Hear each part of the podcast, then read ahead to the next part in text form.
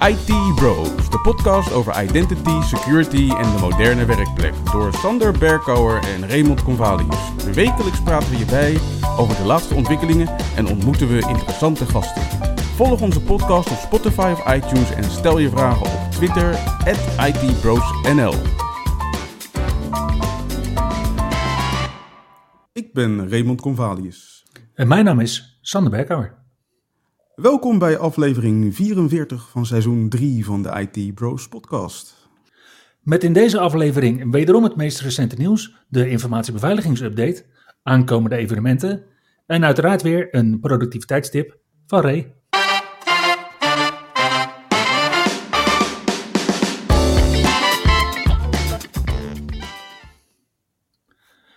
Hey Ray, was er nog Windows nieuws deze week? Ja, het Windows Insider Channel ging weer uh, los. Met uh, nieuwe builds, zowel in de Canary Channel, de Dev Channel, als in de Beta Channel. In het Canary Channel kwamen we weer voorbij een nieuwe mijlpaal. We zitten nu op build nummer 26002. Oeh. En die kwam uit op 29 november. En in deze beeld zie je dat Microsoft bezig is met energie besparen. Dus ze hebben een nieuwe feature geïntroduceerd. Die heet de Energy Saver. In Engelstalige Windows-installaties dan? Uh, ja. En dat is een uitbreiding op de welbekende Battery Saver. Ja. En de Energy Saver gaat verder dan de Battery Saver in de zin van dat die ook voor zeg maar op AC draaiende apparaten, dus zonder accu, mm energiebesparende maatregelen kan voorstellen op je PC. En die kan je aanzetten vanuit je quick settings. Verder zitten er nog een paar leuke verbeteringen in. Zo zit er nu een refresh-button in voor je wifi-netwerken. Weet je, als je op zoek gaat naar een wifi-netwerk, dan uh, ververst die lijst normaal gesproken niet vanzelf, maar dan moet je hem opnieuw openen. Ja. Er zit er dus een verversknop in. En er zitten wat heten account-related notifications in voor je Microsoft accounts in de settings panel. Oké. Nou, dat is dan het Canary Channel. In het Developer Channel, die kwam uit op 29 november, is er beeld nummer 23595. En daar is men nog steeds een beetje aan het stoeien met de Copilot icon. Die hebben ze nu helemaal rechts onderin geplaatst. En zodanig dat die over een andere functionaliteit heen is gevallen. Namelijk, je kan daar helemaal rechts onderin je Windows-scherm altijd ervoor kiezen om de desktop te laten zien. Mm En die functie die wordt nou default uitgezet door Microsoft om plaats te bieden aan de Copilot-icon. Oké, dus je hebt inderdaad dus je hebt geen Windows plus D meer, want de Windows plus C ligt er overheen. Ja, en als je dan toch die Windows plus D wil hebben, dan kan je hem weer aanzetten door naar de settings te gaan, personalization taskbar, om hem weer aan te zetten.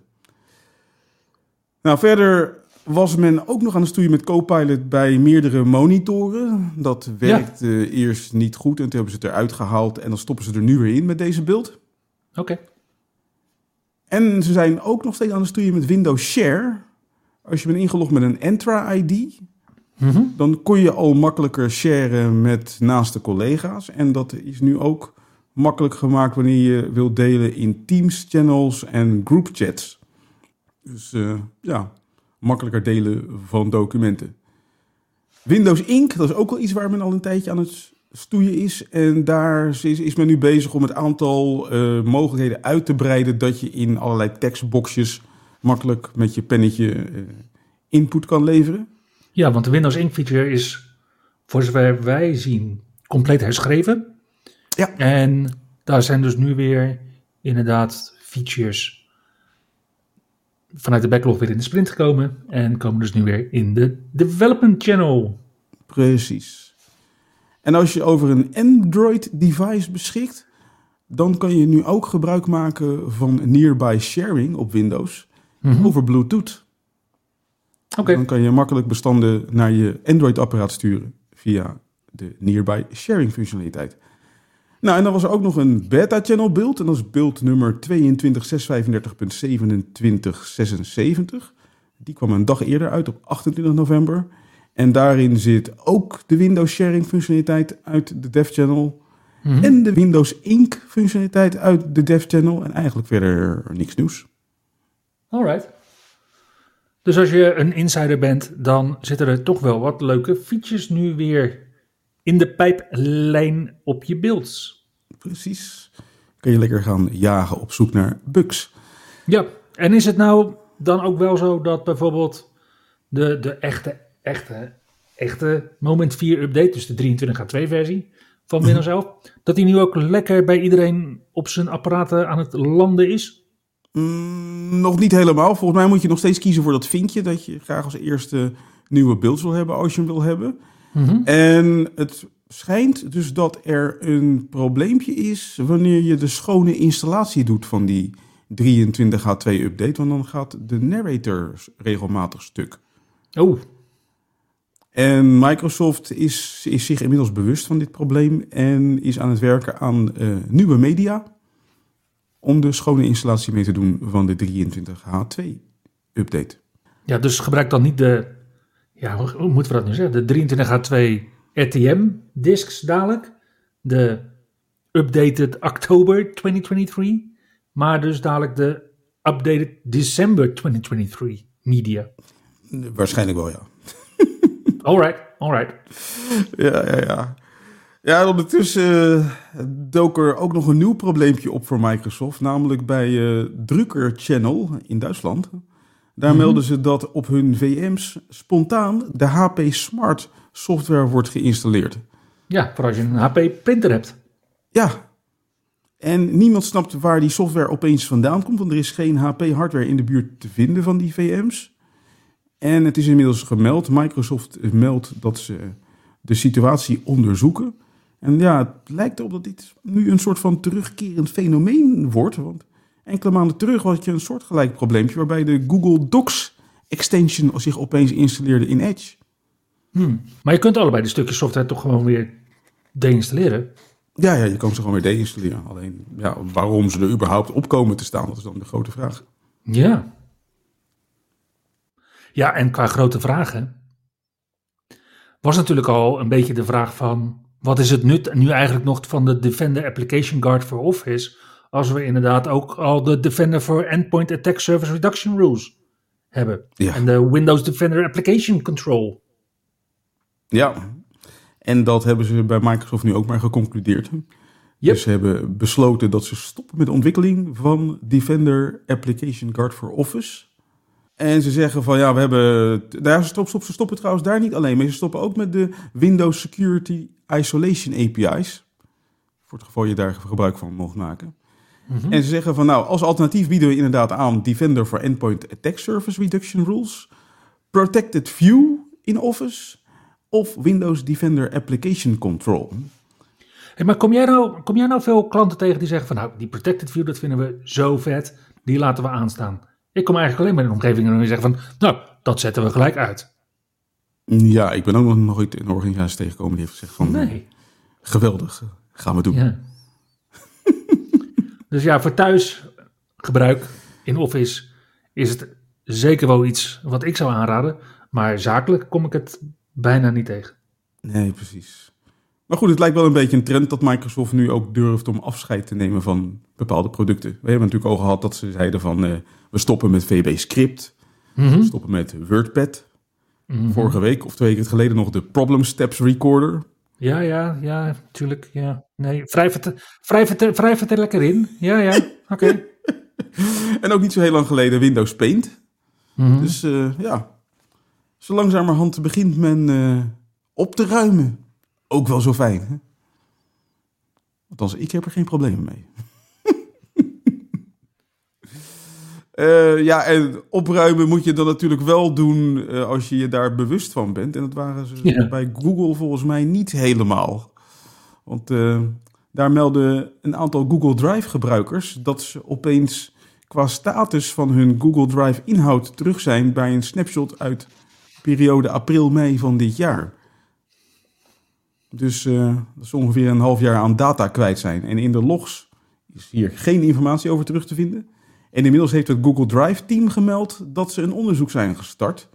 En vooralsnog is de aanbeveling om vooral niet aan de data in je root folder van Google Drive te gaan zitten totdat de situatie is opgelost en men weet hoe de boel terug kan keren. Oh, maar dat klinkt alsof het helemaal, dat klinkt alsof het helemaal niet een ernstig eh, probleem is of zo. Ga vooral, Ja. ga vooral niet zelf proberen om het op te lossen. Of om op te ruimen nu. Ja, ik, eh, dat, dat zei ik in file server migration projects vroeger ook. en die mensen wisten ook niet wat hen te wachten stond. Nee, nee, maar goed, in ieder geval Google Drive Team zegt van we zijn ermee bezig. Inmiddels duurt de situatie een week. En ik heb net nog even gecheckt, maar er is nog geen eh, witte rook of zo. Dus eh, ik vind het heel spannend. Ja. Nou, misschien dat eh, Duet eh, kan helpen. Ja, ja, want Google is een beetje aan, bezig met de Copilot concurrent op te tuigen. hè. Ja, Of die hebben ze eigenlijk aangekondigd al vorige week met Duet AI. En Duet AI moet dus AI-ondersteuning gaan bieden voor wanneer je gaat coderen, wanneer je je infrastructuur gaat beheren, wanneer je data-analyse wil doen of database beheer. Als je security beheer wil gaan doen, of als je bijvoorbeeld notities wil maken bij je meet-sessies. Mhm. Of eh, mooie slides wil maken in je presentaties. Of als je je, je tekstjes van je mailtjes wil laten genereren door AI. hè. ja, dat klinkt inderdaad precies wat GoPilots ook allemaal bieden. Precies. Nou ja. En Ja. dus nu ook bij Google met de Duet AI. Ja, en, eh, ja ik vind het een mooie eh, gekozen naam. Er waren in het verleden menig mooie duetten. Ja, ja, ja, een beetje onder het motto eh, beter goed gejat dan slecht bedacht. Ja, ik, eh, de tijd zou uitwijzen wie de Tina is en wie de Eik. Ja, inderdaad. Denk ja, dat ze, dat ze bij Google niet alles helemaal zelf bedenken, dat blijkt ook wel uit een onderzoekje van LinkedIn. Die hebben namelijk uitgevogeld dat eh, de meeste ex-Apple-medewerkers na hun ontslag vertrekken naar Google. Oh, en als ik dan toch kijk naar de laatste pixel, dan zou ik dat toch niet zo zeggen. Nou ja, blijkbaar hebben die Apple-mensen daar toch een eh, stevige vinger in de pap, als ik het zo, eh, zo lees. Aan de andere kant, ehm, ja, wat je dus ziet is dat LinkedIn daar een, een onderzoek heeft gedaan onder de Mhm. grote techbedrijven. Dus eh, onder andere Google, Amazon, Apple, Meta, Microsoft, IBM, Tesla, Oracle, Netflix, Nvidia, Salesforce, Adobe, Intel en Uber werden onder de loep genomen. Oké?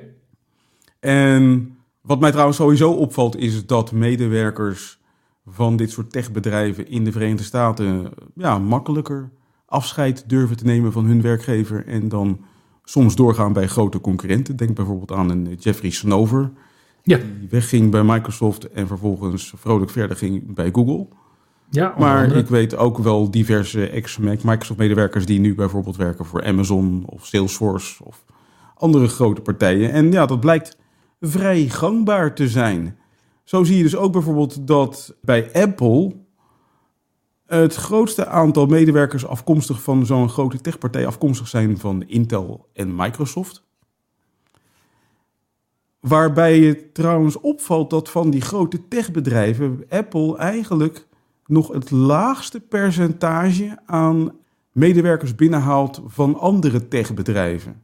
Het is eh, ongeveer 5,7 procent, wat dus van de andere grote tech vandaan komt, dat ze daar binnenhalen bij Apple. Terwijl als je kijkt bij Meta, daar komt 26,5 procent van de nieuwe medewerkers van andere grote tech vandaan. 26,5 op elke 100 medewerkers, ja. Ja. Of bij Salesforce 20,7 procent. Ja, die kan ik dan, ja, 20, 20, kijk, zeventiende van een persoon kan ik dan nog, die kan ik, maar een halve persoon, dat vind ik altijd dan, ja, oké. Ja, wat ik, wat ik trouwens wel een beetje jammer vind van het artikel wat ik heb gevonden over dit onderzoek, is dat er helemaal niks in staat over Microsoft en waar Microsoft-medewerkers vandaan komen en waar ze heen gaan eigenlijk. Ja, behalve dan Geen, dat je eh, bij, bij Apple nog iets ziet dat er een vrij groot percentage bij Microsoft vandaan komt. Ja, geen wij van WC Eend eh, verhaal in dit verhaal. Nee, inderdaad. Nee, maar ik vraag me af waarom niet. Hmm, nou, volgens mij vinden we het antwoord in het feit dat LinkedIn natuurlijk gewoon bij Microsoft hoort. Precies.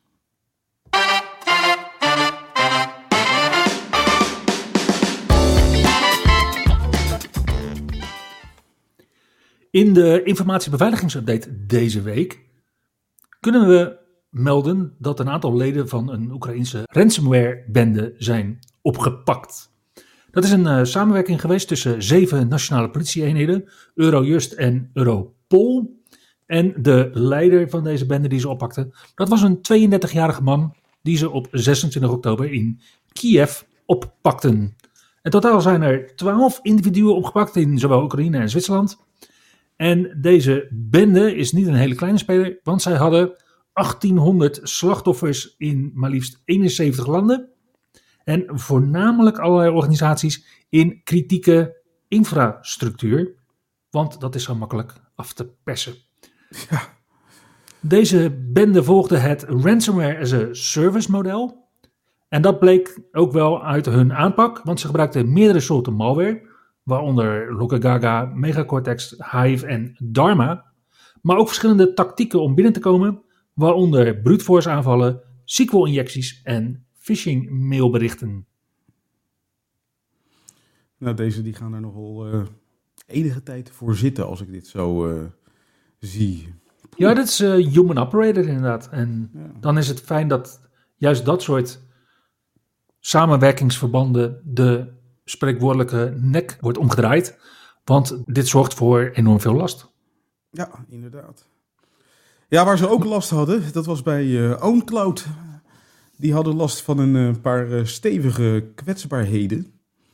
En eh, ik zal ze even doornemen. Het zijn er drie. De eerste was eh, CVE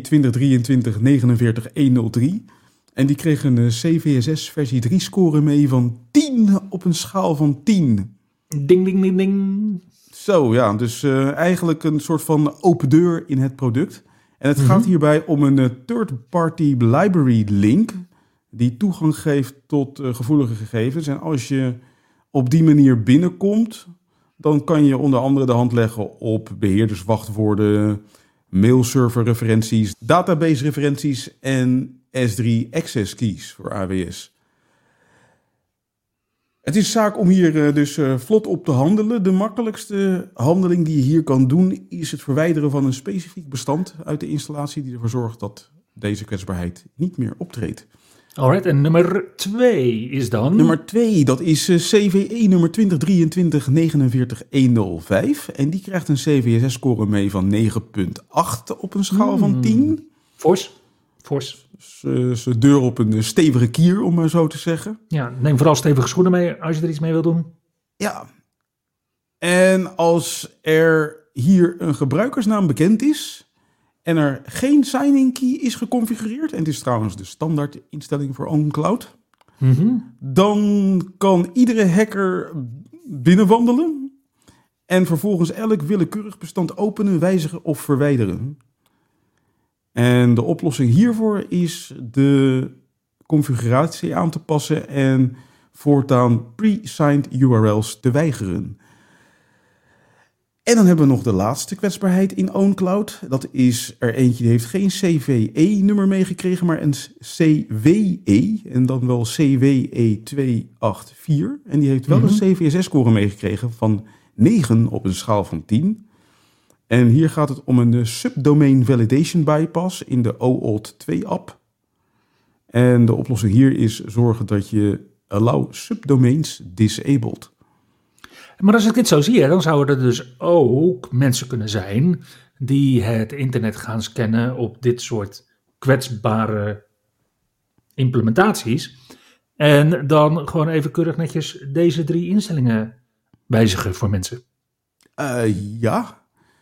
En het is ook zo dat als je dan dit gaat fixen, dan is het wel zaak om daarna zoveel mogelijk je configuratie eh, aan te passen, zodat de mensen die eventueel al binnen zijn gekomen, Mhm. die toegang weer kwijtraken. Want eh,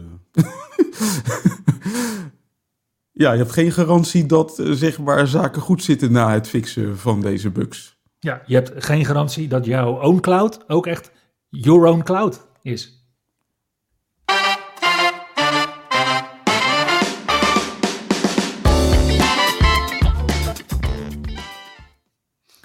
Kijken we naar de evenementen volgende week, dan zie ik toch wel een heel prettig lijstje met allerlei evenementen.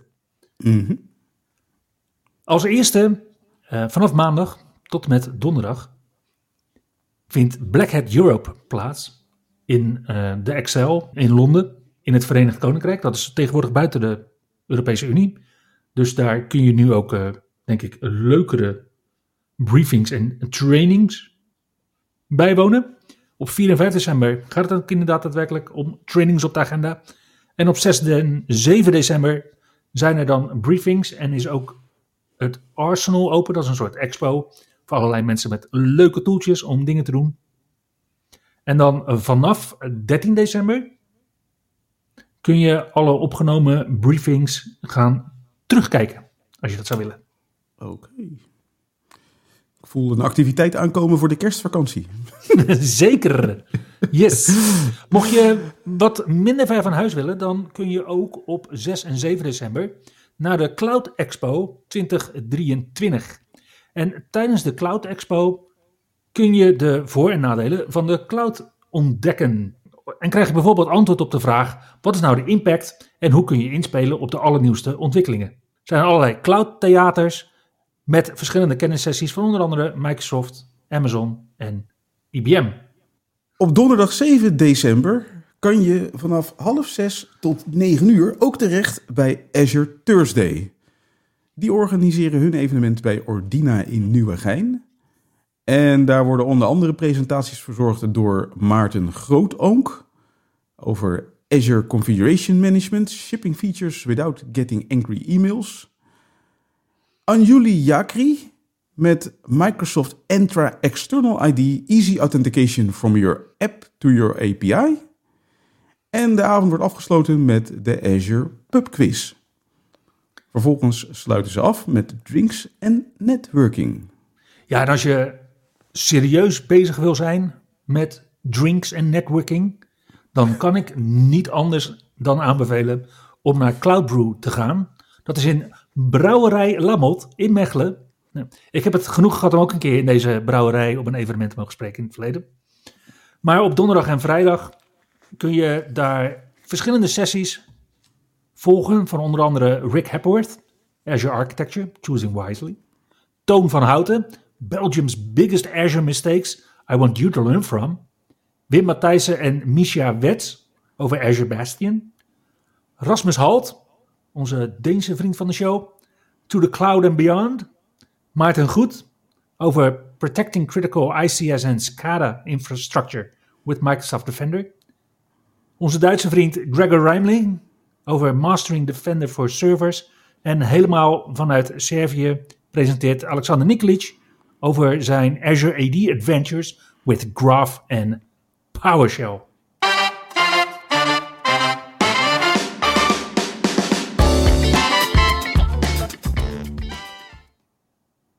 Hey Ray, Yes. praat tegen me. Sorry. Ja, ja de, de productiviteitstip van vandaag is wel echt een hele leuke. We kennen natuurlijk allemaal ChatGPT. Ja, het is nu ook een jaar oud. Sinds deze week. Klopt, het is een jaar oud. Geweldig. En ChatGPT heeft ook een app voor op je telefoon. En die app die heeft sinds kort, volgens mij, de mogelijkheid dat je er tegen kan praten.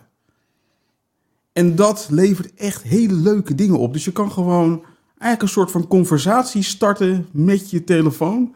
En de AI begint gewoon terug te praten. En daar wil ik wel eens even een kort voorbeeldje van geven. Kijk. Give me a short definition of Azure Active Directory. Azure Active Directory? Azure Active Directory is a cloud based identity and access management service from Microsoft. It helps users sign in and access resources like Microsoft 365, the Azure portal, and thousands of other SaaS applications. It's like Active Directory, but built for the cloud. Ja, en het heet tegenwoordig Entra ID. Maar het is bijna alsof ik Donna Sarko hoor praten. Die trouwens deze week op de European SharePoint Microsoft 365 en Azure Conference een hele mooie sessie ook had over ChatGPT. Ja, ja, ik weet het, inderdaad. Maar je kan dus ook gewoon echt doorvragen. Dus het is echt heel leuk om daar eh, zeg maar je avonden mee door te brengen en te beginnen te converseren met je telefoon door AI ja, gesproken toe te passen. En trouwens, deze ChatGPT spreekt niet alleen Engels, maar ook gewoon Nederlands. Oh, Wat wil je het ook nog even horen? ja, natuurlijk. Wat is de definitie van DNS? DNS, of Domain Name System, is het systeem dat internetdomeinnamen en adressen vertaalt naar IP-adressen. Het werkt als een telefoonboek voor het internet, waardoor computers de juiste servers kunnen vinden op basis van domeinnamen, zoals google.com. Oh, maar dat is een helemaal goede definitie dan. Ja, geweldig toch? ja, absoluut. ja, hier kan je echt de hele avond zoet mee zijn.